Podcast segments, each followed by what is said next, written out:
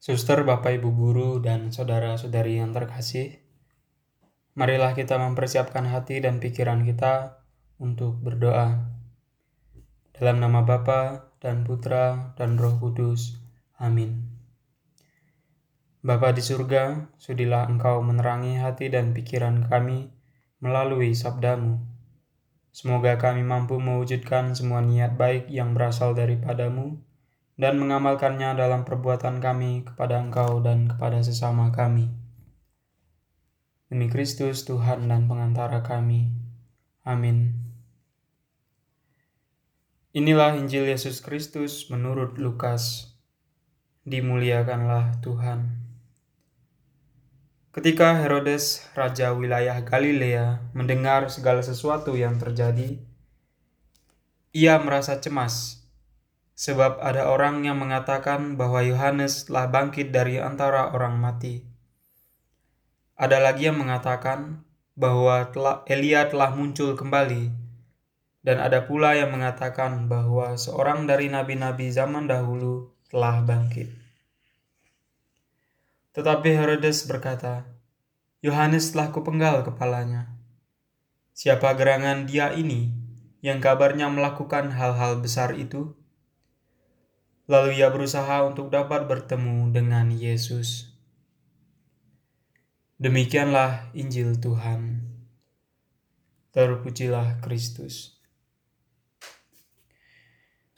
Bapak, Ibu, saudara-saudari yang terkasih, di zaman sekarang, opini publik sering kali menyesatkan.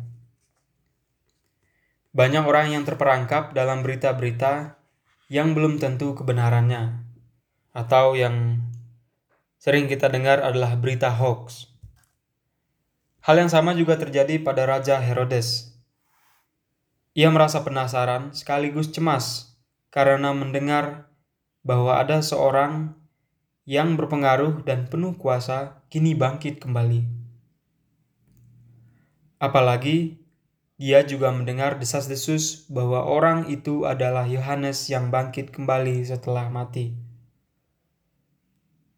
Kematian Yohanes sendiri juga merupakan sebuah perintah dari Raja Herodes sendiri.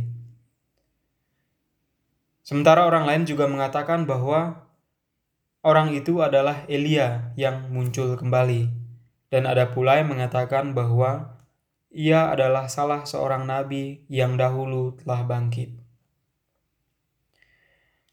Suster Bapak Ibu Saudara-saudari yang terkasih, rasa penasaran Herodes membuatnya berkeinginan besar untuk menemui Yesus.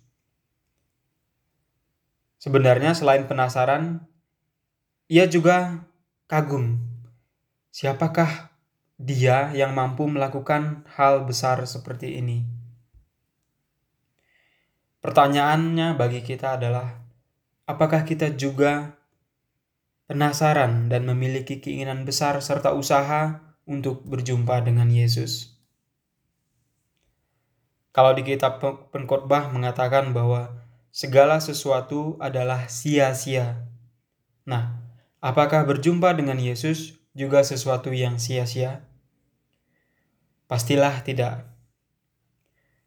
Hanya saja Seringkali keinginan kita untuk berjumpa dengan Yesus dibungkus dengan berbagai alasan-alasan dan keinginan yang tidak tulus. Sebetulnya melalui Herodes kita belajar untuk penasaran dan mau datang menemui Yesus. Hingga pada akhirnya kita juga diajak untuk memiliki pendapat sendiri mengenai siapakah Yesus. Jadi kita tidak hanya mendengar omongan-omongan dari orang-orang mengenai Yesus sehingga kebenarannya itu belum tentu. Kita juga dapat mengungkapkan siapakah Yesus bagi kita itu melalui pengalaman-pengalaman hidup kita sehari-hari, melalui pekerjaan yang kita lakukan, dan juga melalui pekerjaan serta kegiatan, dan orang-orang yang kita jumpai di sekitar kita. Allah Bapa di surga, jauhkanlah kami dari kepalsuan hidup yang membuat kami jauh daripadamu. Semoga terang sabdamu membuat kami semakin sadar betapa besar peran Engkau dalam hidup kami. Sebab Engkaulah Tuhan dan pengantara kami kini dan sepanjang segala masa. Amin. Dalam nama Bapa dan Putra dan Roh Kudus. Amin.